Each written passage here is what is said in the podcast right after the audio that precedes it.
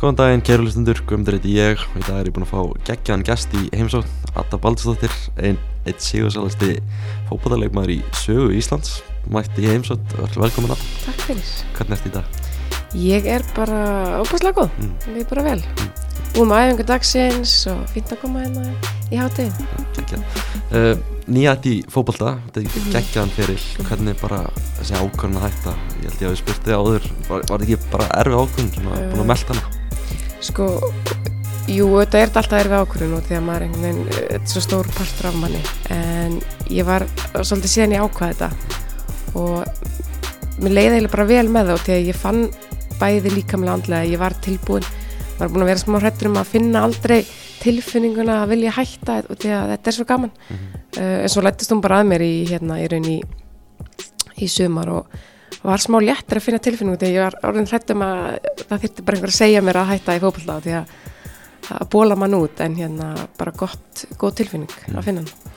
Nú að verið veist, í fótbolta kannski eitthvað 30 ár cirka, Mhm. hvernig er svona er að hætta bara í fótbolta þetta er allan hennan tíma, veist, verið að æfa fótbolta í, Mhm. í allan hennan tíma Sko það hefur í raun ekki alveg reynd á því að það eru bara allir í fríi núna á kannski eftir að, ég held að alltaf í april, mæja og mann eftir að kýtla hans í lappinar að vilja fara að spila en, en eins og ég segi þá, þá kom tilfinningin bara og ég var búin að vera og hef verið í miklum meðslum í mjöðminni og á tímabili sumar þá bara fann ég það að ég gat ekki beitt mér uh, eins og ég hef getað. Og, og þá líka verður tilfinningin og, og, og, og svona ákvörðunin auðveldari.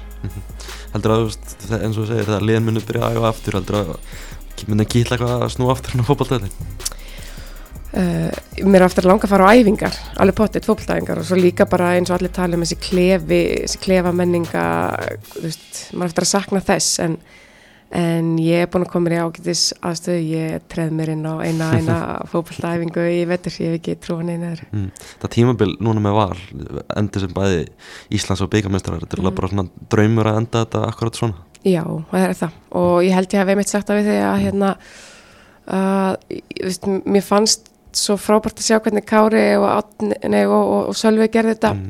með vikingbæði að, að þeir gáttu endað á tvöföldum dill og ég hugsaði bara vá hvað er geðveitt að þeir ná í raunin að skrifa sína sögu.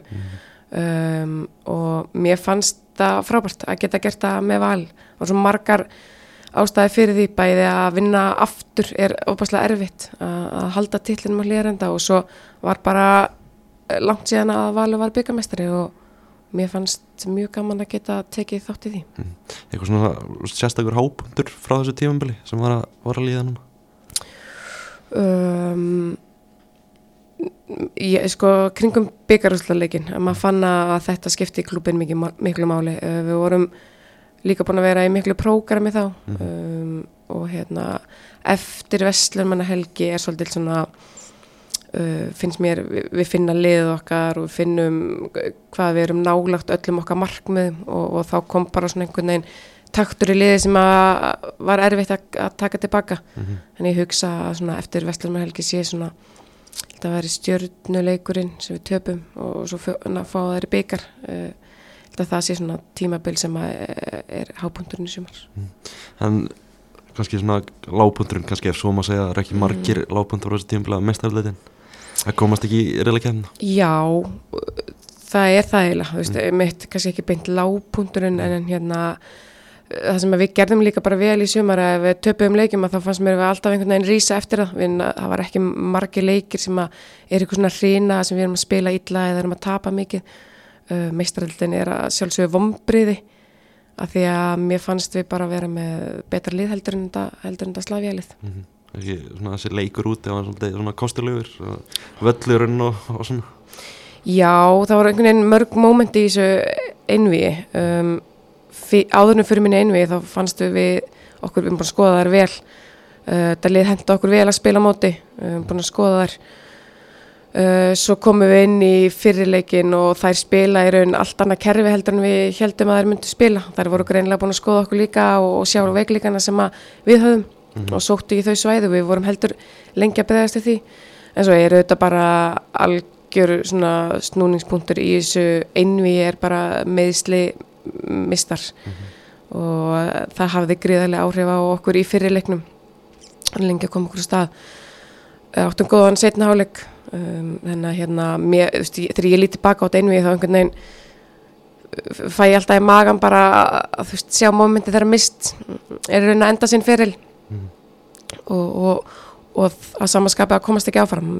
Vombriði fyrir okkur og, og klúbin, auðvitað hefðu við viljað hérna bara skrifa söguna með val og, og möguleikarnir voru til staðar. Þannig að ég, já, ef ég þetta finn einhvern lágpunkt þá er svona, eða svekkelsi þá er það í raun, raun þetta. Nefnir hana með, með Stedvars þegar hún meiðist þannig í fyrirleiknum. Bara svona hversu óöppin getur eitt leikmaður verið? Það er bara erfitt að setja putan á. Það hún er einstaklega óöppin en svo náttúrulega er þetta bara magnaður karakter, ég held ég hafi ekki kynst svona leikmanni uh, tekur einhvern veginn allt með aðrjuleysi um, kemur alltaf sterkar tilbaka en, en nú eh, þú ert búin að slíta fjóru þá held ég að þú meigir er ekki held áfram. Þannig að óhefni eru þetta eitthvað en svo er hann örgulega byggð þannig að korrespondinni og hann virðast bara ekki halda. Og hún inn í hópnum og inn á vellinum bara einn okkar allra mikilvægasti leikmaður og hérna Arna sér fengið mikið lof fyrir framistöðun sín í sumar. Um, mist á skil, ekki skilið minna lof þær eru frábæra saman og sé- sér einhvern veginn hvað er vega hvora aðra upp þannig að hérna fyrir okkur að hafa mist hana í þessu einvið var uh, mikið áfall. Og þetta bara fyrir hvernig hún hafi uh, þurft að ganga í gegnum þetta allt Þannig að hún meiðist þarna í Mhm. í fyrirleiknum hvernig var bara komin í, inn í háluleikin þannig það, Sko, að því að umræðan var að við höfum verið svo lélæri fyrirháleik sem að var alveg rétt við áttum erfitt uppdráttur um lengi aðalagskerfinu en, en fyrir mér var ég óbáslega stolt að liðin að við höfum komist í gegnum hennar fyrirháleika því að áfallið er mikið að því að við, við missum hann ekki, við, við vissum að þetta var ekki tóknin aftan í læri, þetta er, vorum í raun allavega ég, tilfinningin að horfa upp á hana í raun, ég, ég, ég vissi að, að hérna, lappa út af vellinum í senasta skipti, mér fannst þetta mjög erfitt um, og hérna er mitt komið inn í klefa og ég, ég bara fyrsta sem ég sé er hún og, og, og hún svona jankar höfðinu og þá veit ég bara að, að það var í raun farið. Þannig að hérna bara erfitt, mjög erfitt. Mm, það er svo setna leikur svo uh, mikið svona Mhm. voru að reyna að skapa ykkur eitthvað svona datt ekki alveg fyrir ykkur Nei, uh, í fyrirleiknu við þetta bara ógrinni af færum og, og, og mér fannst þau í raun, ef ég ætti að taka einn hálfleik út að sem við töpum þessu, er í raun setni hálfleikurinn heima, af því að við náðum ekki að nýta þessi færi sem við vorum að skapa okkur. mm -hmm. bjargað á línu og svona Bjarga á línu og hérna, þú veist, mögulegt rautt spjaldir að Þórdís Rönni komin hérna inn í gegn, farið ykkur spilnum fyrir utan og, búin að vera í óbóðslega mikla álægi á þessum tíma. Ég held að við höfum spilað þetta slafið lið í miðjan ágúst, að þá hefðum við farið áfram úr einu einu. Mhm. Þannig að tímapunktunum sem við mætum þeim er, þær eru búin með fimm leiki held ég í mótunni á sér og munum verðum að klára okkar Mhm. hrinu og bara eins og Pétur hefur komið inn á það var uh, var ekkert mikið að vera að spila með okkur hérna heim, við vorum að spila kannski að þriðja hver dag. Mhm. uh, pluss ferðarlög þannig að hérna það var óbærslega mikið, maður væri til að reyna ég veit að það er erfitt að skipilegja mót og, og það er alltaf að tala um að það sé ekki hægt að spila á neinum öðrum tíma en hérna ef við ætlum að ná lengra í þessum keppnum að þá þurfum við bara að finna einhvern, millivegi í því að gefa í raun aðeins meira frí á milli leiki það var ekki, við náum ekki æfingu fyrir senasta leikin uh, í deildinni Mhm. sem segir ýmislegt. Hvernig var þessi undirbúningu, fyrir að leika mútið Salfossi mm. lenduðu bara degi fyrir leik og Já, við lendum í raun aðfaranótt föstudags að með minnir. Uh, og svo þá er bara frjáls mæti, eða við bara tökum það bara frjáls að endurheimt á föstudeginum og svo er bara mætingi í leika á lögadeginum sæl Já, þetta er ekki ákjásanlegur undirbúningur en sem betur fyrir segja voru við búin að tryggja okkur titilinn. Mhm. af því að auðvitað kannski öðruvísi fyrir mig, ég vissi ég var að spila minn senasta leik, mér fannst ég svona tímapili stolti svona út úr líkamann, mér fannst ég ekki vera að spila þennan leik en, en hérna bara þreita en, en eins og segi, betur fyrir búin að tryggja okkur til hvernig var að heyra Pétur veist, tala svona ofinbarlega um um þetta, hann eftir leikin setni leikin með Slavia Prag? Það er bara stert fyrir okkur. Um, hann veit alveg hvað hann er að segja hann hefur bæði spilað á háu leveli og þjálfað og, og, og hann er ekkert að tala einhverja vitleysu. Um, það er stert fyrir okkur að hann og, og ég hef sagt það áður Kristján Guðmunds að, að við séum að íta okkur aðeins upp að hæra level og bara allt rétt sem að Pétur segir og ég er bara ánað að hann segi þessa hluti. Þetta, þetta moment þarna þá gengur svo út af vellum í síðasta sinn að rýsa allir upp á fætur í stúkunni og hvernig, hvernig var það? bara þú veist, tilfinninga þrungið, ég man ekkert eitthvað ofbúslega mikið eftir því í rauninni af því að hérna, ég vissi hann alltaf að taka mútið af um, og já, bara svona tilfinninga þrungið stund, bara að lappa út af í senasta skipti Mm -hmm. Fyrir maður til baka núna mm Mhm. byrjar fyrirlin þannig að hjá breðablik yngri flokkanum, mm Mhm. -hmm. varst í upp alla yngri flokkana með blikunum Já, ég bara byrjaði þar, mamma og pappi heima bara 500 metrum frá smáranum, þannig að hérna bara uppalinn þarna og hljópa alltaf niðrittir á æfingar og spilaði upp alla, alla yngar flokkana, um, alveg þannig til ég kom í annan flokk. mm. svo verðið verið í, í stjórnuna Mm hvað svona, af hverju tekur þá okkur um, blikarnir eru, þetta er hérna 2004 fer ég yfir, 2005 eru blikarnir bara með besta leið á landinu Mhm. um, og ég man, að, ég man ekki hver það var en allavega ég fekk ekki að með meistarflokki og veist, áhugin var ekkert eitthvað bilaður, ég tók mig frí fram að áramótum að spá hvað ég ætti, ætti að gera varandi fótbolta. Og svo bara talar Jóhann Skarlu mig í stjórninni og fær maður æfingu eftir áramót. Og það var ekki flóknar að segja það, en blíkarnir voru ekkert að spá í hvað ég var að gera, ég held að þeir hefði ekkert sett alla peningan á það að ég erði einhver leikmaður, uh, fullt af góðum leikmennum í breyðablík og þeir þurfa einhver staðar að, að hérna, veðja og, og veðjuð ekki á mig og þannig fór það bara. mm. svo verður þessi leikmaður í, í stjórnunni tekur svona fyrsta meistarlókstífumbilið 2005 mhm, spilar mjög marga leiki, ég held 15, 14, 15 leiki. Mm mhm, stjarnan endar í sjötta seti tekur svona þátt í svona ákveðinu uppbyggingu hann í garðabænum, eru nokkuð tífumbil svona í fjörða, fymta seti mhm. og svo bara vinnið ykkur upp og verðið bara bestalega á landinu? Já, þetta er, hefur alveg aðdraðanda og, og, og veist, margt gekk á þegar ég kemur stjórnan þá er þetta mitt bara svona fjóraða, fymta, sjötta sæti og bara óbúslega skemmtilegur hópur af stelpum sem að er í raun í fótbolta bara því að það er skemmtilegt og við erum með góðan hóp. Ég, engin af okkur var eitthvað að ætla að verða Íslandsmeistarar. Mm -hmm.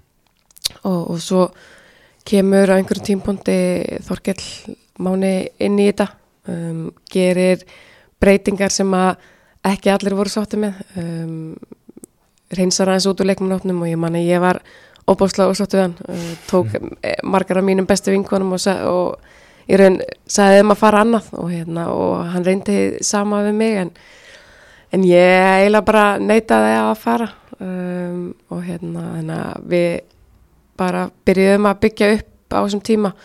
Stötu setna kemur lági inn í þetta og hérna þá byrjaði í raun uh, svona þróunin að stefna því að vera íslensmestrar við gerðum fimm ára plan. Smáni, ma- flestir þekkja hann sem útásmann Mhm. og sérfræðingi í sjóorpu og svona, hvernig þjálfari var hann? mm, sko ég held ég sé ekkert að móðga að hann er ekkert frábær fótbalta þjálfari þú veist, en, en það voru margir sem hlóðu þegar Máni var að þjálfa okkur. En það sem hann gerði svo mikið fyrir okkur hann gerði svo mikið fyrir okkur sem lið, sem einstaklinga.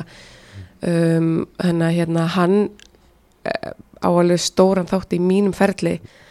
Um, ég átt margar rimmunar við hann og, og svona mótaði mig sem svona karakter í rauninni. Um, hann lét mig alveg finna fyrir því þannig að eh, æfingarnar hans voru bara veist, í minningunni bara venjulegar fótballtæfingar hann var ekkert að leikreina liðin í kringa eða neitt svoleiðis en, en bara bjóð til óbáslega sterkan hóp og, og, og hjálpaði okkur allavega mér mikið sem, sem einstakling sko.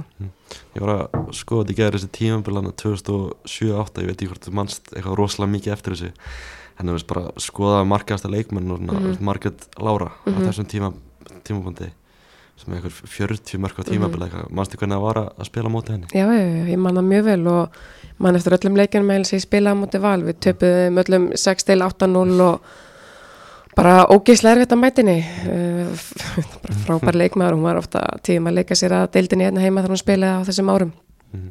og hérna margir minnistæði leiki sem að um, þær rúlið yfir okkur og við máni ræðum þetta ofta svona nullpunturinn uh, sem að við náðum að spilna okkur upp frá þegar við töpuðum mótið um 8-0 á hlýðarenda og það taka mútið titlinum og ég hugsaði bara ég ætla ekki að horfa á fleiri lið fagna í andlitin á okkur sko. Og hérna eftir það förum við í smá svona uppbyggingafasa mm, þetta valslega sem tíma, þú veist, Elisabeth Gunnarsdóttir Mhm. þjálfari þetta var eiginlega bara stjörnuli þetta var það, það var bara veist, það var í raun bara landsliðið að spila heima. Og með Elisabetu það einhvern veginn veist, það vo- voru fálið sem að náðu að halda í, í við þær. Þessi, þú veist, þessi tími á stjörnuna tekur svona smá tíma að byggja þetta upp Mhm. og áður þið farið að vinna titla og svona, hugsaður ekkert um að fara frá félagin en þið farið að vinna titla Nei, aldrei mm, bara leið vel þarna og vissi á hvaða vegferð við værum um, en, en svona tilfinningin að stefnaði að vera Íslandsmeistari kemur en ekkert fyrir en eða, veistu, maður finnur það svona nálgast fyrir en að láki kemur inn í, inn í og þjálfar okkur mm. En, en við vorum, eh, eins og ég segi með fimm, nei, ég var aldrei að, að spá í að fara frá, frá stjórnunni og svo kemur, Láki inn verið Mhm. Íslandsmeistar á 2011 mannstu eftir tí tímbil eitthvað? Já, mjög vel. Um, við fyrir mig byggarúslitaði með minni 2010 töpum honum mm, já, á móti val. Og þá finnum maður svona hvað við erum nálægt í að lifta titli. Láki tekur við okkur 2011 um, og ég man bara strax þá hann að tala um að við ætlum að vera íslensmestari í februar og við svona að, djú, hvað er það sem hann er að klika sko, við, veist, við erum hérna með valsliði fyrir framann okkur og blikana og við erum, þú veist, við erum svo langt í land og, og ég man hann var alltaf að koma inn bara með svona þú veist sp sp spyr mig bara, þú ert miklu betur heldur kemur með eitthvað nafn í bara val og bara finnst þú lélega en hún, nei ok. Og þú veist, og fer á, gengur á alla leikmenn og, og það er svona minnist að hann tekur töflufund inn í klefa fyrir einhvern leik, í april eða eitthvað, bara skrifar hann allt valslið, bara Kristín Ír Margrét Lára bara te- tekur allt liðið sko og bara þeir eru betur en allar þessi leikmenn. Og, og í raun bara, veist, upp, er að upphefja okkur. Þetta er taktik sem að hérna, sem að virkaði vel á okkur og hann í raun býr bara til ofbóðslegt svona liðsheildar lið ég einhvern veginn, þú veist, voru, við vorum ekkert oft með leikmenn í landsliðinu en, en hérna bara frábær þjálfari og einn af þeim betri sem ég hef haft. Mm svo man ég nokkuð vel eftir þessum byggrúsleik 2012 mm og svona það sem ég svona tók frá þessum leik var Adda og, og Gunnildrisa Mhm. á miðsvonni á stjórnunni -hmm. hvernig svona var að spila með henni? Bara frábært. Mm. uh, elskaði að spila með Gunni og við náðum einstaklega vel saman. Uh, erum báðar svona klikkaðar í hausnum. Um, og bara frábært að hafa hana og hafa náða að upplifa það að hún var að spila með sínum uppeldisklubbi og við vorum að ná þessum svona stóra áfanga saman uh, að hérna byrja byrja vegferðina og bara frábær leikmaður með, með hérna risastúrt stjórnihjörta mm veist, titill 2011 hann er svona upphæðið á einhverju. Það farið svo og vinni marga fleiri titla í kjölfarið já, fannst þú svona fyrir því svona breyttist eitthvað við hann titill 2011 já, já, ég fann það alveg. Vi, við fundum þarna kemur bara smyrþurinn á því að vinna titla og þá vil maður ekkert fara tilbaka að upplifa það að vera bestur. Og hérna og bara klárlega þessi svona 2011 titillin er svona svona þrjá minnist að titla með mismunandi áherslum. En 2011 titillin svona stendur opaslega hátt líka bara fyrir klúbin mm og maður fann að þetta gaf uh, félaginu mikið yngriðgjöndum og, og hérna og bara, já maður fann að þetta gaf okkur mikið. -hmm. er einn af þessum titlum 2013 Nei, Ekki? það er þannig blekki þótt að hérna að það sé svona tímabil sem að verður örgulega seint leikið eftir en, en nei, hann er ekki hann er ekki einn af þeim, þótt hann hafi auðvitað verið frábær líka. Mm. hver eru hinn tveir sko 2016 titillin er mjög, stendur mjög hátt þar sem að bæði fyrir mig persónlega átti svona, gekk í gegnum erfiða lífsreynslu eh, og, og svona átti erfitt með bara að spila það ár. Uh, missum marga leikmenn harpa verður hann ólett í lók, lók tímabils. Og hérna mm, erum ekki með hátt erum ekki með stæstu kanonnar kannski fyrir utan hörpu og hérna gengum gegnum ofbúslega mikið af meðslum, sérunæla slítu crossbönd og svona mikið af hlutum inn í liðinu sem að við þurftum alltaf einhvern veginn að púsla inn. Um, það er svona persónlega mjög sætu titill. Um, og svo er það eiginlega 2019 svona titillin sem að fyrsti titillin með, með val bæði fyrir klubbin fann maður hvað það skipti miklu máli mikið að leikmennum sem að voru hungraðir í að sækina titil Margrét ekki búin að vinna lengi Hallberga, Fandís kemur inn ég að svona á öðrum stað og, og hérna, það, það sá titilin mjög sætur Mhm. Þetta, ég var svona að spyrja út í þetta tímabil 2013 þannig að það Mhm. er ótrúlegt að sjá þetta sko, mm -hmm. 18, 0-0, markatalan 69-6 Mhm. Hvað, veist, hvernig var að spila í þessu liða og þetta tímabil bara eh, frábært við vorum með mjög stert lið þarna og á þessum tíma þá fannst manni uh, eiginlega ómögulegt að við gáttum tapa leiki mann eftir tilfinningum, maður var alltaf fann í leiki svona, hvernig eigum við að það, það er enginn að fara að vinna okkur. Um, og hérna bara, já, það var svona auðvitað svona hápunkturinn á svona ég spilaði hvað bestan fótbolta á þessum, þessum tíma. Mm. og við hérna að það var, já, bara tímbila sem að mér fannst ekki séns að við getum tapa leik. Mm, Mættið þið bara svona dýrvillastar eftir að mista titlinn 2012 þannig að til Þór Ká Já, það gefur manni alltaf smá auka þess að þessi mýta það að verja titil er bara rétt af því að þú veist, þegar þú missir á titli þá finnur þetta ekstra að vilja sækja hann aftur. Mm og hérna, já, það var alveg pottitt.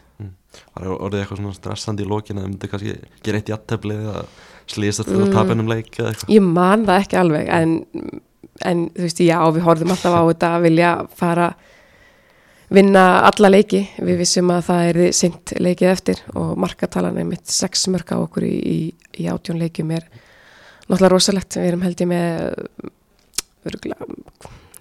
besta hafsendapar sem hefur spilað á Íslandi saman þannig, á þessum tíma í Glóti sig og Önnubjörg Já, það er nefnir að þetta verður eitthvað seintleiki eftir deildin orðin það er svona, mm. -hmm. svona jöfn í dag einhvern veginn uh, verður þetta einhvern tímann leikið eftir heldur ég held ekki Nei. ég vona smá ekki þetta, þetta munir bara standa svona, svona eitt og sér Já, þetta er í raun magnað, þú veist, mm. því að þú getur alltaf farið gegnum einhvern eitt leik þar sem að, þú veist, þú gerir jafntefli en, en að fara í gegnum heilt tímabil á þess að tapa leik er, er ótrúlegt. Nefnir hann að Glódísi og Önnubjörg. Glódís, hvað er hún gömur hann 17-18 ára eða eitthvað? Já, hún er örgulega yngri, sko, af því að ég man að að þegar hún er að koma til okkar þá ringir lágjum og segir þessum að fá ungan leikmann úr háká. Já, og fóreldrennar búa ennþá úti þannig að ég þurfi svona aðeins að taka hana að mér. Mm.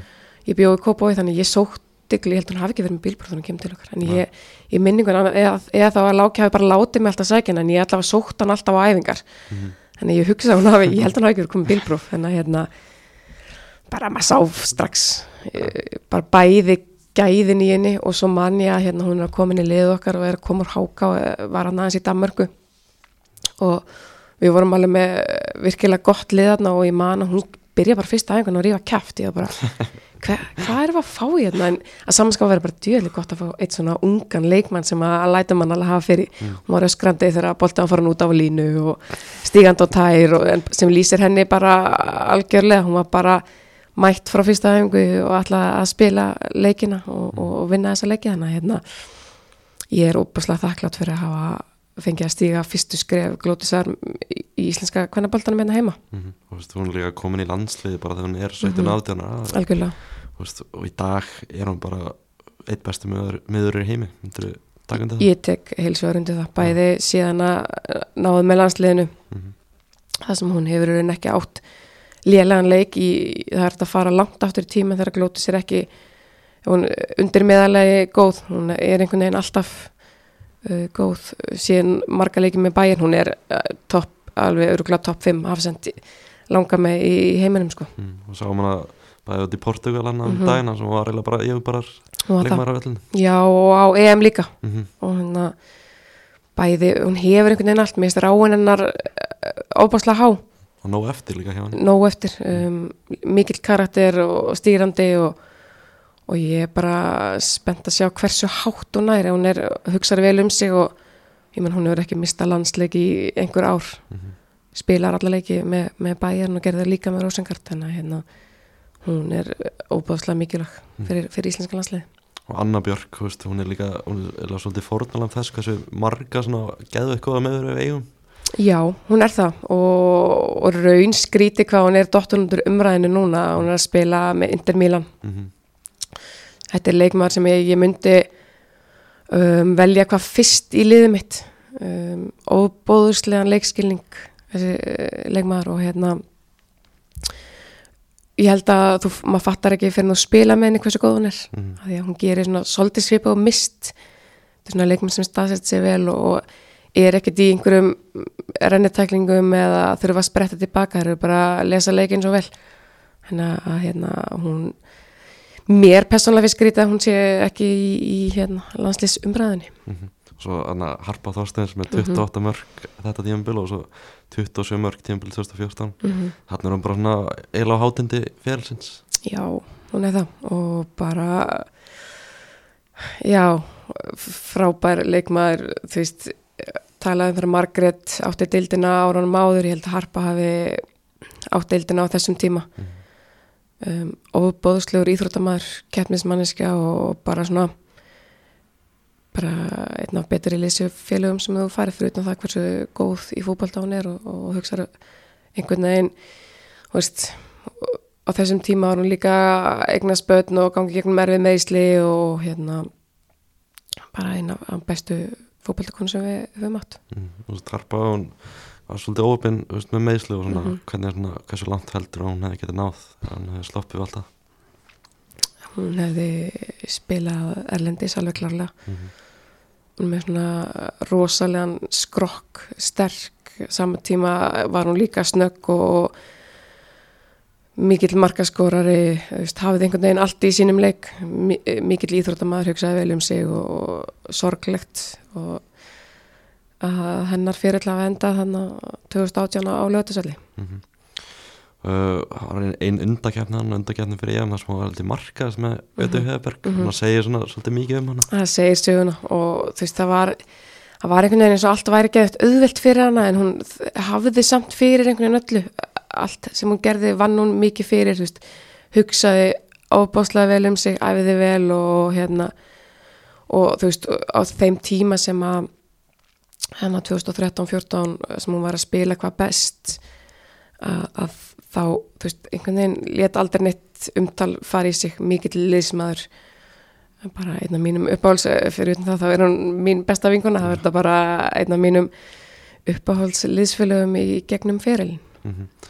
ferð hana út til Kristnandad Mhm. á, á láni spila alltaf 5 eða 6 Mhm. leiki hvernig var svona sátími bara skemmtilegur, ég það þekki betu uh, vel og hérna hún var, hún var í uh, mikið meðslum á þessum tíma á miðumönnum ég var með eitthvað svona smá vangavelti hvort ég ætti að fara út bara alveg. Um, og heyri í betu og, og lendingin á það að við ætlum að pröfa það ég myndi hjálpa henni og gegnum þessi meðsli sem leikmanna sem hún var með. Að bara lært um sér ítt spilaði með Margreti og Elisu þarna sem var líka gaman og svo sem ég bara gaman að sjá hvort að ég gæti spila í þessari deild. Mhm. mér finnst skemmtilegt að máta mig við það og bara skemmtilegu tími. En svo er ég smá allt og, allt og lojal manneskja að ég mér fannst ekki geta yfirgefið stjórnuna ekki eins og að stjórnan hefði alveg lifa af án mín sko. Um, þannig að ég ákvaða að fara bara á láni og koma tilbaka aftur. Bauð svona ekkit þannig að þessi tæki var að fara alfarið út? Jú, með bauðstafleg og, og árið eftir líka. Mhm. Bauðst mér líka að fara aftur til betu en ég einhvern veginn tók slæðin með stjórnunni í staðin sér eftir því núna? Nei, ég gera það ekki. Um, þráin að spila erlendis var ekkert svona rosalega mikil hjá mér. Mér leið bara vel í stjórnunni uh, fannst ég einhvern veginn alltaf bera ábyrð á gengiliðsins og hérna bara var, fannst mér ég að vera með liðið á herðunum og, og vildi bara vera heima. Þannig að nei, ég sé ekki því mm. ertu, bara, veist, ertu bara með stjórnuna í, í hjartan eða Já, ég er það, er mikil stjórnumanniska og hérna bara þótti og þykir en vænt um klúbin mm. um, bara á þeim auðvitað mikið að þakka ég er leikmaðurinn sem að ég var út af stjórnunni og lít á mig á þess að reyna að móðka breyðablík sem minnst að þá er ég lít ég á mig sem uppalinn stjórnu leikmann það er svona klúburinn minn Mhm. Þannig að hérna, ég er mikil stjórnumanniska farið hana smá tíma með betu sem Mhm, þjálfara, hvernig mhm. er að vinna með henni?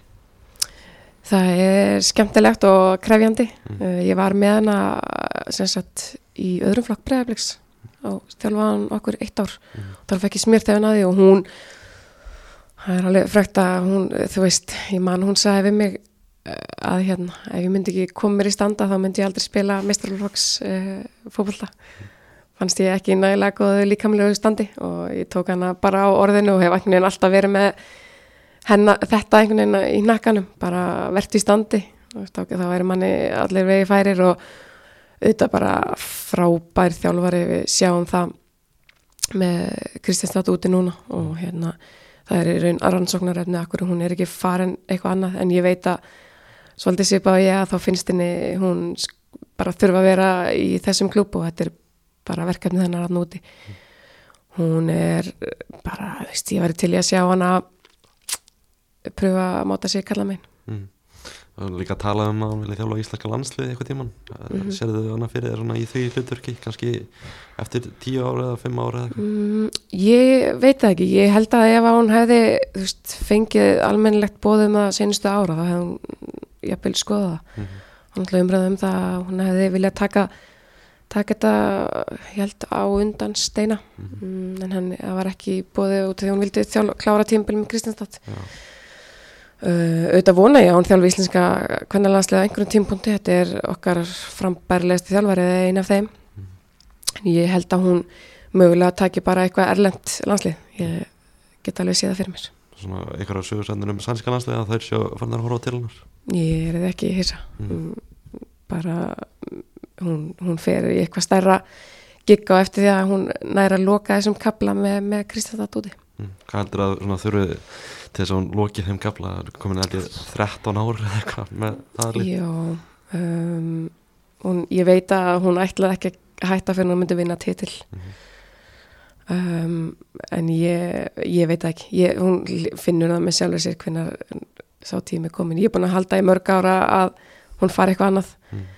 En á sama tíma fylgst með henni og unni með henni þarna úti og sér maður bara hversu mikið verkefni og hversu mikil smetin hún er hjá bara samfélaginu hún, að því hún er bara miklu meira heldur en þjálfari hún er allt í klubnum Heldur, þú veist, kallaboltar aðan Heldur Mhm. að hún geti svona plömma sig alveg 100% bara, Það er ekkert mál fyrir hann. Nei, Nei. ekki, ekki neitt. Uh, hún er bara frábær þjálfari og þá skiptir ekki málið þótt að hún sé kona, ef finnst mér.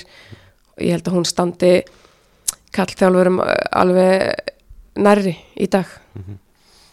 Það lók tímpesist 2013 þeir eru búin að vinna alla leikina og svona, þá fariði nokkrar stjórnustjálfur í landslið mm -hmm. Það sá frétt um það ekki að voru held ég 6 eða 7 saman í landsliðinu á, á þeim tímpati Hvernig var svona fyrir þegar komin í landslið í, í fyrsta sinn? bara gaman um, kemun örgulega svona setni skeiðum, það er ekki kölluðin held ég 25 ára þegar ég spila minn fyrsta landsleik. Um, bara skemmtilegt og gaman að stjarnan hafi átt marga fulltrúa. Ég hef alveg einhvern tíma sagt að þegar ég var yngri eða í gegnum upp skeiði mitt með stjörnunni 2011, 12, 13 ég, ég var veist, að mitt aðal markmið var aldrei að vera í, í landsliðinu. Ég, þú veist auðvitað einhverju vilja segja að sé metnaðalegi að maður er alltaf stefnins áttum maður getur en hérna þú það var aldrei mitt fyrsta markmið að vera í landsliðinu. Auðvitað er þetta brjálaður heiður og, og ég hef sagt að við freysa hvað er hún þakklátt fyrir að hafa tekið mig inn af því að það er auðvitað gott að hafa spilað þessa landsleiki og bara líka verið kringum landslið og kringum alla bestu leikmenn sem Ísland á og sjá hvernig freyri vinnur og, og, og allt það. En hérna þetta var bara, já, heiður fyrir mig en, en aldrei einhver svona markmið sem að ég var loksins búin að ná. Mm -hmm. ég var aldrei ég var aldrei yngri landsliðum mm, þegar ég var, þú veist, var aldrei í 17 eða 19 fór einhver úrtaksæfingar en, en hérna spilaði ynga yngri landsleiki en að mér veist oft gott þegar ég er að tala við unga leikmenn í dag að þeir tala alltaf um að, að hérna, spila yngri landsleiki sem er frábært en það er engin endastöð ef þú spilar ekki yngri landsleiki það er ekki veist, merkið mig á það að þú verður ekki farsæll eða séu sæll leikmaður eða er eða góðan feril. Heyrið þetta ekki ofta leikmenn séu ekki alveg að hugsa um landslið að- Nei, ég, ég veit það, ég veit ekki hvort að, þú veist, eins og ég segi, hvort það hafi verið metnaðilegi sem mér eða hvort að bara, þetta, þetta var ekki mitt fyrsta markmið, mér fannst bara, þú veist, mér fannst bara frábært að vera með stjórnunu, auðvitað, þú veist, þegar maður skoðaði landsliðsópu, auðvitað langaði mig að vera í landsliðun, en ég var aldrei, þetta, þetta markaði ekki mig sem fótboltamannesku að vera landsliðskoni í fótbolta, það markaði mig meira að vera fyrirlið stjórnunar eða, eða eitthvað svoleiðis. Akkur skipti það svona miklu máli að leita í stjórninu fyrir kann, kannski að vera í landsliðin Ég, ég veit það ekki alveg, ég er bara erfitt að einhvern veginn setja puttan á það. Um, mér fannst það bara nær mér að fá að leiða stjórnuna og og fyrir, fyrirmynd fyrir yngri yðkendur en, en þú veist auðvitað er það stórt að vera í landslegin það er alltaf að stærsta sem þú ferð en, en auðvitað finnst mér gama þegar ég lítið baka ég hef fengið tækifæri að, að vera þarna. Og, og fá að vinna með frey sem að er svona einn mestir fagmaður í starfinu sem maður eru unni með. Og ég er mjög þakklátt fyrir, fyrir bæði það að hafa fengið að fara inn í þann tíma og e- að kynast frey. Og því að margt sem að þú veist, hann komið inn sem að ég hef alveg tilenga mér þótt að ég hafi ekkert verið í stóru hluturki hjá honum að þá, þá svona hvernig hann setur upp hópa og nálgast leiki og, og, og, og hérna, leikmenn einhvers svona sem ég hef alveg tilenga mér bæði sem leikmaður og vonandi sem þjálfari í framtíðinni. Þú veist, Þér finnst það kannski ekkert svekkjandi eitthvað vekst ekkert það mörg tækifæri með landsliðin Nei, ef, auðvitað þegar ég var í um, keppnismannska, þegar ég var í hópnum vildi ég spila. En eitt af því góða sem að Freyr gerði var að hann þú veist, let leikmenn vita af þeirra hluturkum alltaf, ég viss alveg að ég var ekki fyrstu 13 hjá honum. En ég vissi að líka ef að Sara eða Dani myndu meðast þá þyrfti ég að vera klár, hann var bara búin að láta mig vita því. Og hérna svona eitt af, einn af hans kostum finnst mér svona mannleg samskipti og hann vissu allir sitt hlutverk. Og ef þú veist þitt hlutverk og ert sátt við það að þá tekur því bara þannig að ég vissi að ég var mikilvæg fyrir honum, ég hjálpaði honum inn í hópnum mikið og þá var ég bara sátt við að vera partur af því. En að koma hann í landslið á þessum tíma hvernig var, það bara að fá, fá að upplifa þetta? Bara, bara gaman og þú veist, auðvitað Það fyrst er landsleikurinn minn hafi verið á múndi í Þýskalandi og það var bara viðbjúr að, veist, ég ætla að spila múndi bestu uh, þetta hefði maður viljað fá skemmtilega landsleikildu en tapa 6-0 um, en hérna bara gaman að sjá stærstu leikmennin að fara á stærsta sviðið og þetta svona smá, þú veist, eina sem ég sé kannski eftir er að, eða sé eftir ég, kannski er eftir að segja að hafa ekki farið á lokamóti 2017 þegar ég var ólétt ég baunaði nú ekkert um hana á Freyja hann hafi ekki valið mig á lokamóti en svo myndan mig á það að ég hafi verið ólétt að hann hafi ekki getað valið mig á það Eh, það er svona kannski það sem að ég hefði viljað upplifa með landsliðinu og því að ég vissi að ég geti verið í hópnum þá mm. Það hefur verið í hófnum 2017 heldur það? Alveg bótið Alveg pátt En þú veist, landslið í dag, hvernig finnst þér að, fylgjast með því? um, Mér finnst bara skemmtilegt að fylgjast með því. Um, auðvitað setur maður aðeins meiri kröfur um, eftir að ég byrja að fylgjast meira og nái með því varandi bara vera inn í teiminu á rúf í kringum EM þá fór maður svona meira inn í hlutina og, og þá verður maður hérna ósarlega þetta í því að hérna maður vil sjá hlutina gerast.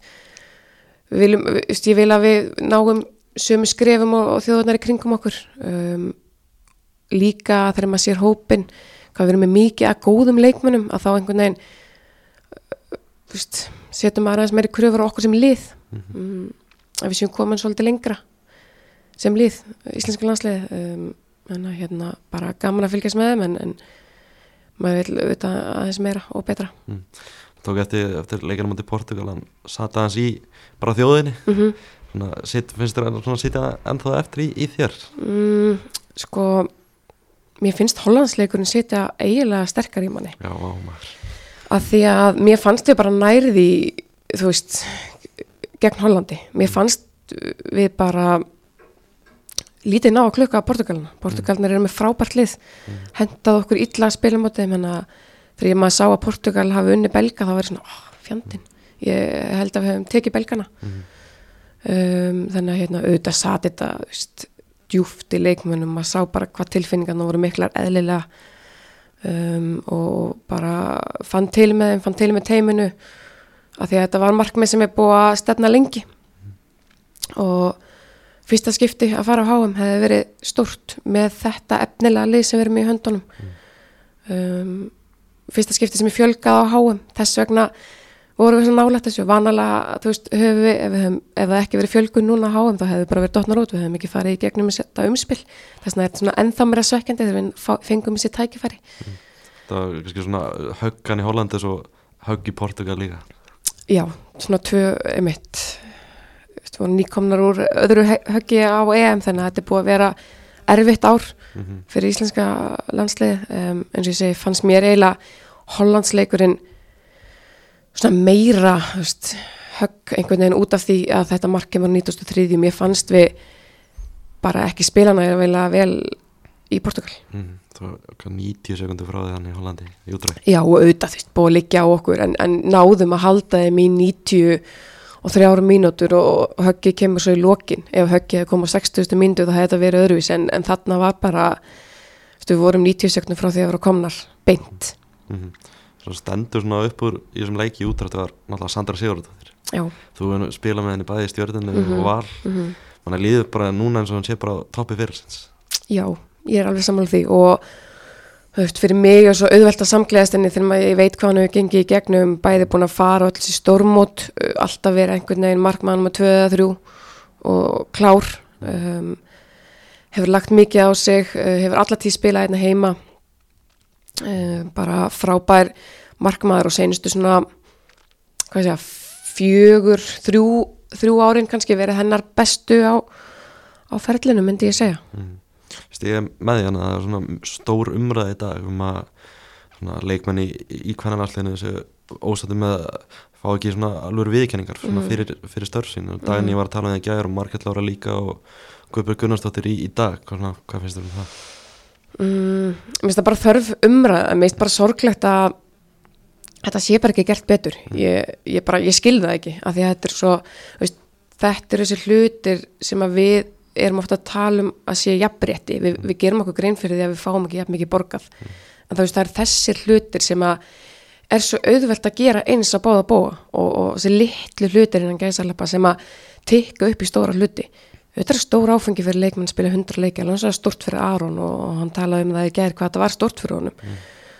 Alveg eins og fyrir Dæni og Glótisi í ár og alla þessar leikmenn sem að spila 100 leiki og við tala það ekki um uh, eins og Marget kom inn að hérna að hafa ekki veist, fengið að hverja þjóðina á liðið og allt sem hún hefur lagt til íslenska kvarnarknarsbyrnu og líka bara þetta er svo, þetta er svo lítið mál að vera með svona hlut á hreinu. En, en skiptir okkur jafnt sem strákana jafn miklu máli. En uh, bara þú veist, sorglegt og leiðileg umræða leiðild að þurfa að vera að tala um þetta. En ég skil bara ekki ekkur þetta er ekki gert betur. Við förum að þessu landsliðinu aðeins aftur í, í stjörnuna. Við farið þannig í mestaraldaræfendri Mhm. farið í kannski nokkur mestaraldaræfendri rússarnir voru svolítið já, við fengum rússa held ég þrís var í röð.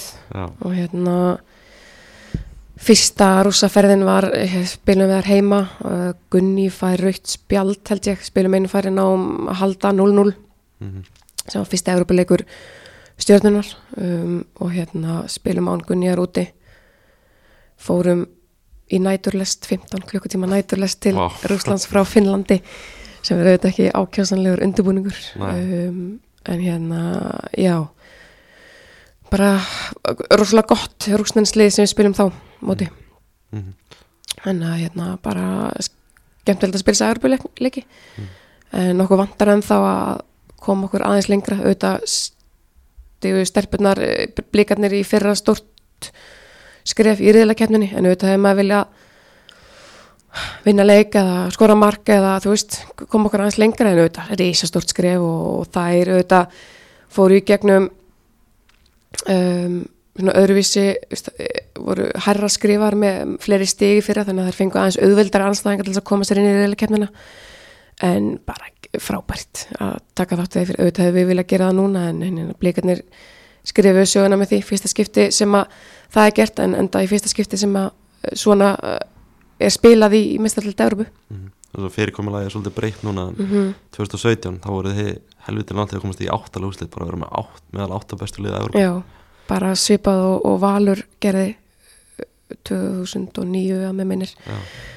að hérna, já, óbáslega nálagt í um, var ekki Slavia sem við duttum út fyrir Laga Prag eins og, Já. eins og núna og upplun aftur svo sama við erum einhvern veginn að klára okkar tímabil þá með marga leikmann óbáslega þreytta, búin að fara í gegnum langt tímabil og hérna svona sömu tilfinningar einhvern veginn ef við hefum spilað þetta aftur aðeins fyrr að hérna keppnistímbalinu þá hefðu við mögulega komist lengra en hérna við þurfum eitthvað að sjá hvernig við getum loksins tekið þetta skref inn í að vera eitt af toppliðunum í Evrópu.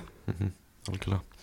Uh, nefndir til þeim 2016 aðan sem Mhm. svona einn af þeim sætustu. Endi fyrir hann bæði breyðblik og, og val. Mm af hverju var svona sá titill og sérstaklega sætur fannst þér um, Við vorum að vinna hann aftur uh, unnum hann ekki 2015 um, margir leikmenn fóru frá okkur hérna voru með minna skrifið lið Aglamar er að spila eh, koma svona, komast upp á stjórnuheiminu þarna við fáum hana fyrir tímbilið um, ég harpa við rólegt þannig lók tímabils. Ég er í bölvu brasi sjálf með líkamann á mér. Ég lendið að missa tvísar fóstur á tímabilinu um, og hérna þarf að gangi gegnum bara erfiðleika sjálf. Og ná það að mér finnst ég alltaf þurfa að taka mm, höggi fyrir liðið þannig að ég var með mikla svona ábyrða tilfinningu að ég þurfti að stíga upp og vera leiðtói þannig að hérna orkulega séð var þetta erfitt tímbil fyrir mig persónulega, ég er ekkert vissum að allir leikmennir um, markir þennan titil eitthvað sérstaklega en, en ég ger það fyrir, mi- fyrir mitt leiti uh, bæði svona veist, já, hörkuðum okkur í gegnum marga leiki Eh, leikun sem við þurftum að fá stig á móti breyðablik gerum við með óbúslega laskalið um, þannig að hérna, já, bara svona mikið svona litlum hlutum inn í tímabilinu sem mikið áföllum og höggum sem við þurftum alltaf að standa upp og ég man bara hvað, maður, hvað ég var stolt af bæði sjálfur mér og liðinu að hafa unni titilin hann um, Harpa spilar hann eftirminnilega til held ég 13. viku sem að fór held ég í, í blöðin að hún hafi spilað á lengi mm. mm, þannig að hún spilar ekki seinustu leikina með okkur búin að vera okkar allra besti leikmaður í mörg ár þannig að þá þurftu hinnar að stígu upp Katrin Áspísi komin til okkar hana og spilar handleiksbrotin seinustu tvo leikina eða eitthvað þannig að þú veist, bara svona mikið litlum hlutum sem að sapna saman sem að er svona gera hana titil svona einhvern veginn eftirminnilega Mm. hvernig var bara svona að standa upp eftir allt það sem við erum búin að lýsa þarna mm, standa upp á verðlunapallinum og, og lifta bygganum bara mikill sigur Já. bara opbáslega mikill sigur og hérna þess vegna markir að ég hennan titil í rauninni, þú veist er ekkert vissum að allir stjórnumenn horfa á þennan eh, titil sem einhvern svona sérstakann sko. En bara tilfinningarnar og líka bara svona sanna fyrir sjálfur mér og öllum í liðinu hvað mikið bjó í okkur.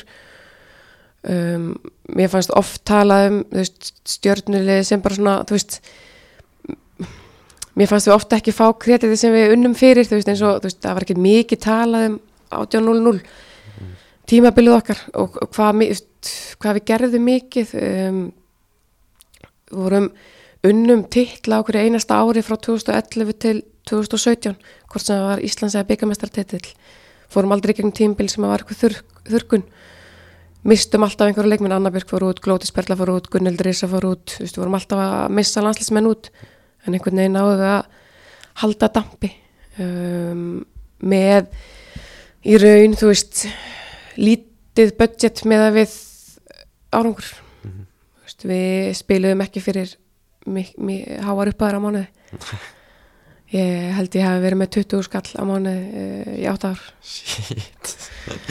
Þannig að þú veist uh, að hérna, þess vegna er tími minn fyrst mér með stjórninu svona veist, uh, svo eftirminnilegur því að það var bara svo mikið að liðishildar titlum mm skilur um mig um, og, og við gerðum þetta svo margar fyrir klubbin þannig að hérna, mikið að stjórn þú veist, maður fann hvað, hvað leikmenn vorum bara miklu stjórnumenn uh, þar sem að kjarninni liðinu spilaði lengi saman og ekki mikið um fóru ekkert margir leikmenn úr stjörnunni í breyðablik eða val, það var ekki ef að leikmenn fóru frá okkur þá fóru það út. Þannig að hérna mikið af já, bara svona liðshildar liðum, mm. Þú veist, 20 skall á mánu, er þetta bara ástriðan fyrir félagið já, í rauninni. Mm. bara ástriðan fyrir félagið og, og fyrir leikmennina sem ég var að spila með og ég var ekkert svo eina sem var með 20 skall, það var flestar held ég. Flesta með 20 skall Já, þú veist, ég menna getur ímyndar ef að fyrirliðin var með 20 skall, það var ekki margir uh, 20, svo hækkaði ég upp í 40 fekk 100% uh, álag. Eh, þannig að já, þú getur alveg séð þetta var bara ástræðan fyrir klubin og að spila með þessum leikmönnum fyrir þessa þjálfara og, og fyrir stjórnuna. Þannig að hérna, þess vegna er maður og var mikil stjórnumannskja mm. Er þetta ekki orðið betra í dag, veist, launamál í, í hvernig bóttum? Jú, alveg klárlega. Og þú veist, og þegar ég segi 20 skall, 40 skall, við vorum ekkert að væli þeim. Ég fannst það bara, veist ég var ekkert að kvarti við því, mér fannst ekkert að þessu. Mér fannst bara gaman að og, og hef aldrei litið og á fótbolta sem einhverju tekjustofn ekki frekar en aðrar fótboltastelpur í- á Íslandi í dag. Bara gaman. Já, í rauninni, og bara ástriða mm Nendir hana með hörpu á hann umræðum í, svona, í samfélaginu um að var að spila ólétt. Mm svona, Hvað fannst þér um þá umræði? Ég man, ég tók nú einhvern þátt í einu og svaraði steina greinu, alltaf svara honum. Uh, og hérna bara þú veist þegar maður tekur ábyrða á sér sjálfum um, og harpa frekar en einhver annar myndi aldrei taka áhættun að því þú veist, tekur bara ábyrða á sjálfur þér og, og hérna, treystir til þess að gera hlutina þá gerir það, þú veist, það er engin steini eða hver sem það hefði geta verið, það eru örugglega fleiri sem að gaggreindu það. Um, hafa ekki verið óleittir eða borið barn undir belti. Um, en auðvitað steini líka bara held ég að reyna á þeim tíma, ég mann hann var í umræðinu, bara að reyna að kynna upp í að mikil, mikil samkennum milli liðana, bara líka örgulega vonast til þess að harpa spila þessum stiðst Mm. það var besti leikmar Íslandsmónsins Skoraði 20 mörg einmitt, þannig að hérna bara þú veist fólk tekur bara ábyrða á því sem að það gerir og, og segir. Mm Svo segir, veist, ég, Steini, við getum ekki sett okkur í þau spöra að vera að Nei. Þú er gert það tvísvar, þrísvar Já, ég spilaði fram yfir 13. viku með val 2020 Já, hangur til að mótinu var slaufað um, vegna COVID. Þannig að hérna það er uh, bara gefandi, þú veist gefur manna auka orku að koma tilbaka eftir barn en ofbóðslega erfitt. Uh, bæði, þú veist, þú ert ekki að, þú veist, þú ert ekki nummer eitt. Uh, barnið er nummer eitt eða hún sefur illa eða bara hvað sem það er. Um, tíminn verður dýrimættari sem það æðir í æfingarnar. Sigurarnir verða líka sætari þú veist, að upplifa það eftir leiki að fá fá þær í hendurnar og vera fyrirmynd fyrir það er og svona. Um, en, en gríðarlega mikil vinna bæði þú ert óléttur og þá langar mann líka bara að spila fótbolta. Mm til langar að hérna, taka þátt í þessu. Þetta er í raun tvö ár sem þú missir úr eða þú veist, þú ert ólettur í nýju mánu og koma þetta tilbaka. Og mikið að það er setnaskipti mm. bæði var ég eldri og svo er ég að ganga í gegnum barn nummer tvö og hérna bara stærri fjölskylda og svona en bara alltaf þess verið að koma tilbaka aftur. Og ég fann það þegar ég var óletti í annarskipti að ég var ekki tilbúin til þess að hætta. Mm. manna hérna ég var inn í sala að æfa og ég var svona að spá í hvað ég ætti að gera og, hvernig ég ætti að hætta og fann bara að ég var ekki klár. Þess vegna kemur tilbaka í raun aftur og bara, bara mjög sætt. Hvernig bara svona, að koma tilbaka eftir badnegn og veist, hvernig er bara svona líkamlega þátturinn eftir það? Er það bara, er það ekki ógislerfið? Jú, það er það, auðvitað er að misjant milli einstaklinga. Ég var bara heppin í báðum mín meðgöngum að ég æfa bara fram að setjum degi. Ándilega á þennan hérna um, bara erfitt, þú ert að byrja og saman hversu mikið þú æfar á meðgöngu þú byrjar á núlpunti, bara minna núlpunti þegar þú byrjar aftur. Þannig að það er bara mikið af æfingum mikið af hérna, bara klukkutímum sem að maður þarf að leggja í þetta. Þetta er erfitt en en ávinningurinn alltaf sá sami, þú veist, þú vilt bara komast út af vellin eftir og það er mjög sætt og, gott, þú veist, svona fyrir sjálfan sig að sanna fyrir sér sérstaklega að geta komið tilbaka aftur eftir, eftir pann. Mm. Þetta er stolt að ná að gera þetta tvisar Já, ég er það. Ég er mjög, ég er mjög stolt að hafa komið tilbaka eftir þær báðar og náða að vinna titla eftir, eftir þær báðar meðgöngunar og hérna komist þú veist, á þann stað, ég hef alltaf sagt að ég eh, nenni ekki að vera í fótbolta nema að vera á hæsta leveli. Mhm. þannig að ég ætlaði mig bara að koma tilbaka og, og svo er það líka veist, tíminn, veist, fólki í kringum hann ég ætla að hef aldrei getað þetta við, erum bæði í, í fótbolta með tvær stelpur, púsluspilið í kring. Þannig að ég, við erum með óbúslega gott bakland sem að hefur hjálpað okkur að geta mætt á allar þessar æfingar og ykkaæfingar og þú veist, ég þurfti bara að vakna sex um mánana til að fara út að hlaupa áður en að veist, þær fóru að fætur og við fórum í vinnu og svo er þú veist, þetta er bara að vinna en bara skemmtilegt mér finnst það gaman að, að þegar maður leggur svona harta sér að sjá uh, markmiðin ná, nást. Veist, slítur loksins naflastrengi við stjórnuna mm Mhm. 2018 fæði val mm -hmm. var það ekki, var það erfið ákvörn að að fara loksins frá stjórninni mm, það var óbáslega erfið ákvörun um, og bara svona tilfinningilega erfitt sko, skildi við þetta þú veist, ég ætla ekki að segja ég skildi í illu en, en hérna þú veist, ég tók ekkert endilega ákvörunina um að fara þú veist um, stjórnin í raun gerði það og hérna bauði mér samning sem að var eh, ekki samningur eða þú veist þannig að hérna það er gamli góði 20 skallin e, já, eiginlega átt að fara aftur niður í hann en bara breytingar hjá þeim og þeir tóku þessa ákvörðun um, hérna formaður aðalstjórnar og hérna bara, já, menni í stjórn. Mm. Kristján Guðmunds er að taka við þarna. Uh, á þessu tímbili fara líka að ég held nýju leikmenn úr klubnum sem að segir ímislegt þannig að viðskilnaðan var erfiður og, og þú veist, og mér finnst það erfitt að horfa tilbaka á annan tíma og ég sagt það núna þegar ég sé kjartan Henry í gangi gegnum svona tilfinningarlega hluta með ká er að ég er alveg fegin að hafa ekkert farið í viðtöl beint eftir viðskilna minni við stjórnuna því að það er svo mikið tilfinningum sem að uh, berast þarna þegar þú tengist klúbnum svona mikið og klúbun hefur gert líka óbúslega mikið fyrir mig. En ég ákvað bara að snemma í þessu ferðlega markera stjórnuna ekki sem einstaklinga það er að segja stjarnan er starri heldur en þrýr, fjórir stjórnaformin uh, og, og allt sem að klúbun hefur gert fyrir mig og ég hef gert fyrir klúbin og yngri leikmenn og fullt að sjálfbálega sem vinni unnið í kringu klúbin og allir þjálfara, ég ákvaða að bara halda fram þegar ég vant um stjórnuna og hérna ekki markera stjórnuna út frá tveim, þreim mönnum sem að ráða. Þannig að hérna það hjálpaði mér alveg í ferlinu að, að vera ekki reyð eða pyrruð eða eitthvað svona. Þannig að saman tíma ábáslega ánað að hafa fengið að fara í val í svo fegin að hafa valið það að fara í val Mm. voru mörgunni Á þessum fjöl tímapunkti. voru mörgunni fjöl í myndinni eða? Já, það, það voru það. Við vorum bæði samningslaus á þessum tíma, ég og, og Almar, þannig að hann fer norður og uh, það var, hefði líka alveg verið ævintýri að fara bara með fjölskylduna norður. Og Hann fór að spila með Káa og ég var í viðræðan við Þór Káa. Donni var að þjálfa á þeim tíma og voru tveir leikmenn sem fóru stjórnin, Lára Kristín og Þórdís á sama tíma, norður.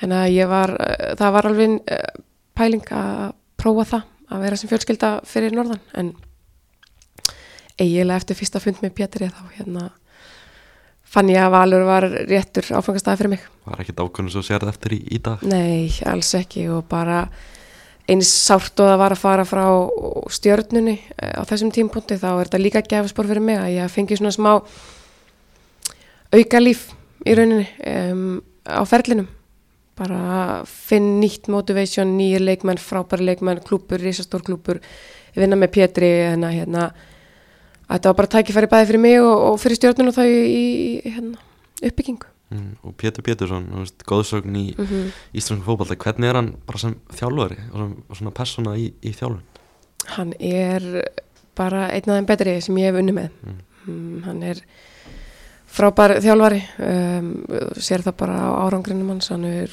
bæði farið í gegnum um, stór tímabil sem þjálfari og sem leikmaður, margir leikmaður heldur hjá okkur sem að vita ekki hver Pétur Pétursson er eða hvað hann hefur afreikað á sínum fótballtaferli.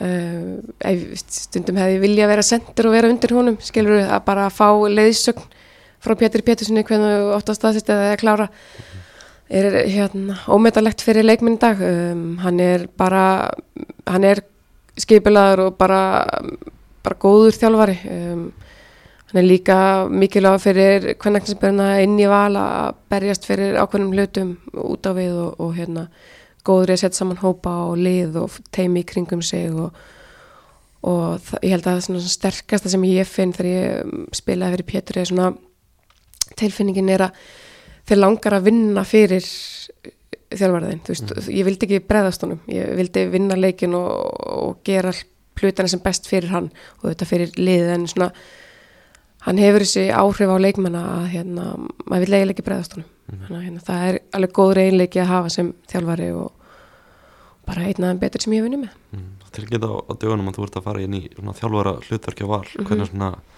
verður það hlutverk? Að það var að vinna ná með Pétri og, og, og svoleiðis. Já, ég verð bara þeim matta til aðstofar bara hjálpa þeim bæði um, með einstaklinga út á velli og greiningu á, á liðum og bara aðstofþjálfari með þeim. Þannig að ég er svona að reyna að sjúa inn sem mest að þeirra þekkingu og að samanskapur reyna að hjálpa þeim.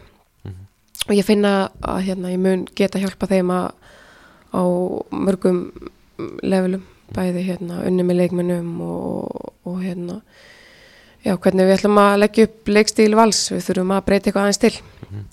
Hvernig þurfum við að breyta til það Þannig erum að missa út uh, bæði mig og, og mist og eilimetta er hægt þannig að við þurfum að aðla okkur að því. Um, ég og mist erum bæði leikmenn sem eru mjög vokalinn á vellinum og hérna það er erfitt að replacea það þannig að við þurfum að bregðast við hvernig við, við hérna, finnum út af því. Svo að liði finni sem minnst fyrir þessum breytingum. Er það nokkur lið sem heyrið í þér um að taka við, sem þjálfari? Já, komur alveg óvart hversu margir að því að ég hef þjálfað yngreflokkana og þjálfað annaflokkin og hérna, en ég raun ekki haft neina þjálfað reynslu og hef heldur ekki sótt meir námskeiðin sem ég er að fara að taka núna að þjálfa námskeiðin en ég er ekki, en það komur alveg óvart hversu margir sóttust eftir líka bara að ég er aðalþjálfari fyrir meistaraflokk. En þetta er bara viðkenning fyrir mig og og svo eru bara mörg félag held ég að reyna að kroppa í, í hérna, íslenskar konur eða þú veist bara við sem hættum að við fyrum, verðum áfram í fókbaltanum mm. alltaf kalla eftir því að fá fleiri konur inn í, í fókbaltan þannig að hérna, þetta séu líka margir sem horfið það að, að það var bara viðkenning fyrir mig. En raun var alltaf nummer 1 og 3 og ég ætla að vera í val og, og hjálpa þeim og halda áfram að vinna í þessu umhverfi sem að valir hefur skapað Finnur það svona ástriða hjá þeir að fara í, í þjálfun? Já, ég finn það. Ég finn, um, ég hef ekki verið tilbúin til að taka aðalþjálfar starfa af mér. Um, en ég finn að mér langar að vera í kringum fókbaltaðan og ég finn að það er margt sem að ég hef fram á að færa til bæði í einstaklingsþjálfun og í liðinu þannig að já, ég, mér langar að, að hérna, þjálfa mm. í framtíðinni. Spennt fyrir næsta tíðanbila að, að byrja á þessu? Já, mjög, bara að sitja hinn með við borðið og hérna, nú fæ ég að taka að þú veist, aðeins get fara að segja meira, ég er ekki fara að spila með þeim, ég get fara að láta hann aðeins meira að heyra það, öðruvísi kannski, mm. þannig að ég er mjög spennt fyrir þessu hlutverki, mm. bara líka bara að fá að starfa áfram í val, það eru, þetta er svo, er með risastór klúpur, bara einhvern veginn að mæta upp í val og, fyrst, taka debuti við Snorra og Finn og Gústa og bara alla þessa flottu þjálfara og íþróttamenn sem er í þessum klubbi, þetta er forréttindi. Mm. Svona áhugavert að þú og Alman eru bæði að hætta á sama tíma. Hvernig Mhm. er bara svona lífið á heimilum núna? Mm, það, ekki, það hefur ekki reynd á það sko, en hérna kom mér alveg smá óvart viðst, hann, Almar er ekki maður margra orða. En hérna, það var eitt, kvöldi sem að hann spurði mig hvort ég var alveg ákveðin í að hætta og ég bara, já, þú, alveg bara mjög ákveðin, en þú, hvernig ætlaðu þú að hætta? Og þá bara sagði hann að hann alltaf taka á sama tíma ég, það kom mér alveg óvart það var, það var ekkert blana fyrirfram þannig. Nei, alls ekki. Og ég, einhver, einhver skotur fengið á mig að ég hafi stjórnað þessu en ég átti ekkert með þetta að gera og, og hérna, hefði bara viljað að hann hafi haldið áfram út af því að hann er með skrokkin í það, ég er það ekki. Það er ekkert á hann en, en hérna svo er þetta bara þannig þú eða svona miklum tími í þetta að þá þarf hausin að fylgja með og ég, í hans tilfelli var það ekki þannig. Mm en ég fagnaði bara að hann verði meira heima. Mm. Það er svona líka svona meðfram þjálfun og öðru líka verið svona vinna sem sérfræðingur í sjóorpi mm hvernig svona finnst það, og verður náttúrulega í HM umfyllinu Já. hjá RÚF, hvernig bara svona finnst þér að vera sérfræðingur í, í sjóorpinu Mér finnst þetta mjög gaman. Um, ég hef alltaf hort mikið á fótbolta og pælt mikið í því þannig að- bara skemmtilegt að horfa á leikina frá aðeins öðruvísi að þurfa að pæla í, í hlutunum og fá spurningar og svo líka bara veist, að vera að vinna með eins og bara núna í sumar að fá að vinna með Óla og, og Margréti og Hörpu og setja þarna að pæla í fótbolta. Og ég var veist, að yfirheyra Óla Kristjáns að hérna, tímabili bara að læra af honum og bara pælingar og mér finnst það skemmtilegt. Og verður líka flott heimi núna HM Arna Gunnlaugs og, og hérna, heimir og þetta verður bara skemmtilegt þannig mér finnst þetta skemmtilegt starfa að fara í og þetta er líka brúar að spila þú ert hægt að spila að kaplaskilin verða kannski aðeins hérna, auðveldari fyrir manna ég er ennþá mikið inn í fótboltanum mm. og hérna, en að vera kannski auðveldari fyrir mig að fá út úr svona um fótbolta að vera ekki að spila sjálf Hvað er heldur að vinna HM? sko ég vona, ég held svolítið með Argentínu, en það er bara því að ég vona svo mikið að Messi fái að hérna loka sínum stórkostlega ferðli sem heimsmystari hann er ekki náði, þannig Mm. ég segja Argentínu. Ég er alveg á sama Það ekki? Jú, klálega sko. Ég heyrði um sögur að þú ættir að fara út á EM í sumar í Englandi. Að Valur hefði ekki leift þér það. Uh, ég var alltaf bara Já, þannig að hérna, ég fekk bara að, veist, þetta var bara aukastarf hjá mér þannig að hérna ég þurfti bara að mæta á mína æfingu á mánda og þriða þannig að hérna þetta hefur verið gaman að fara en ég er vonandi bara stíða mín fyrstu skrif sem svona pöndut eða sérfræðingur en ég fæ vonandi tækifæra að fara aftur. Fór til Portugal sem ég varst að opaslega gaman. Mm. Varst það ekkert brjálu út í Pétur að af þessu? Nei, ég var það ekki. Pétur bara að hugsa um val og, veist, fótboltan og ég alls ekki, ég vissi að það kemur fleiri tækifæri og, og mér veist bara, fekk ég bara verið í sjá um leikin heima og, og fekk tækifæri til þess en að hérna, þetta hefði verið gaman að fara á svona stóran leik en nei, ég var fyrst og fremst og, og bara leikmaður va- vals og þurfti að mæta mína ræfingar og gera það mm. Nokkrar mjög erfiðar spurningar í lokin mm -hmm. Hver er besti leikmaður sem spilaði með? besti fótboltarleikmaður sem spila mér er, er Margrét Lára Mm. Bæja Mæl, hún er hef, hafði bara stöfra í skónum og leikskilning sem að enginn á Íslandi mm, held ég hefur haft uh, langt síðan að við höfum séð svona hæfileika Mm. Besta lið? besta liðið er 2019 liðið 2019, Já. Valur Já, það er besta, besta sapn af leikmunum, þú veist, ef við horfum bara á byrjunlið okkar á bekkin, bara leikmennin sem voru með voru, veist, þetta var bara, já, það er besta lið fótbolt, já, en, en eh, ég ætla að nefna 2016 stjörnuna sem besta liðis heildarlið, Já. eins og ég er búin að margtala um hérna, en, en bestu leikmennin sem ég spila með var 2019, mm. Valur. Marklára 2019, var hann enda með mikla töfra í skon Já, Mm. brjálaða sko. Brjálega töfra Já, bara, þú veist, hún, ef hún færi, ef hún, hún geti alveg spilað á háfilegvel í dag bara út í honum er svo mikla hæfileika Mm. í, í, í fótunum og, og hérna, og hausnum. Beðan maður að spura út í vandrarasta augnablík ég fekk einhverja ábendingu um að einhverja var frá Brasilíu eitthvað og eitthvað Brasilíu spreytan Ég kannast nú ekki við þetta, en þetta Brasilíu dæmi er örgulega, ég fekk einhvern tíma spurningu, ég held ég var hinn í hliðinni að fótboltum og neitt og hérna styrlu staðrind og ég held ég hef nú bara logið að pappi hef verið frá Brasilíu, ég held að sé eitthvað lélegur enga húmor sem einhver hefur sendir. Það er svona bara að lokum þessi ótrúlega tölfræði hjá Manna Pétursson sem að setja á, á Twitter um, um daginn Mhm. ég benti á þess að fyrir, fyrir viðtali hvernig bara svona að vita af þessu og sért bara sigursælisti leikmaður Íslands síðustu tíu árin Mm. Ég, ég pæla ekkert mikið í því. Mm. Ég bara, þú veist, er stolt af ferlinum. Mm. Öllu því sem ég gerði hjá stjórnunni og öllum titlunum og skildi vonandi eitthvað eftir mig og þar um, stolt af titlunum með val.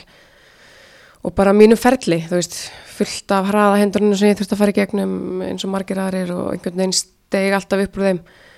Um, endalust af liðsfylgum sem maður er þakklútur að fengja að spila með og, og veist, titlanir eru þetta pluss um, og hérna, já, bara gaman að sjá þetta Mm. en, en ekkert sem ég pæla eitthvað mikið, bara frábært að fá að vinna alla þessa titla og, og maður mann eftir þeim flestum um, og hérna, já en Máni bara benti skemmtilega á þetta en, en ekkert sem ég pældi í sko Af hverju heldur að þú sért búin að vinna svona marga titla? um, bara ég veist heppin með liðin sem ég hef verið í og hérna þjálfarna sem ég hef haft og klúbana sem ég hef starfað með ég set óbúslega kröfur á liðsfélaga mína og vil fá kröfur í staðinn.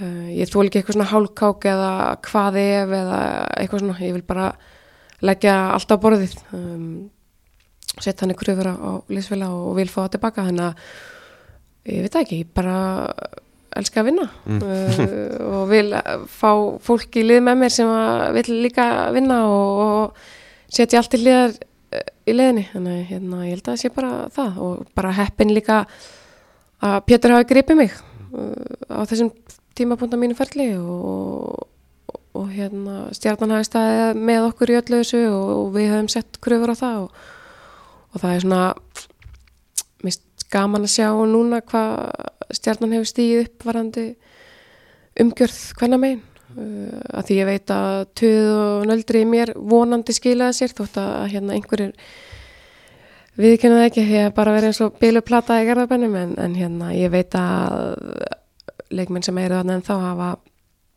haldið að fórum setja kröfu og mist gaman að sjá að, að umgjörðin þar er orðin góð og umgjörðin í, á hlýðarenda er góð en við getum alltaf bæta hans í og þannig að það sem stendur upp úr eftir, eftir allt þetta er bara fólki sem maður hefur fengið að vinna með og leikmennir uh, og þjálfarnir uh, titlarnir eru svo bara í raun þú veist, punkturinn yfir allt erfiði sem að maður hefur gengið í gegnum.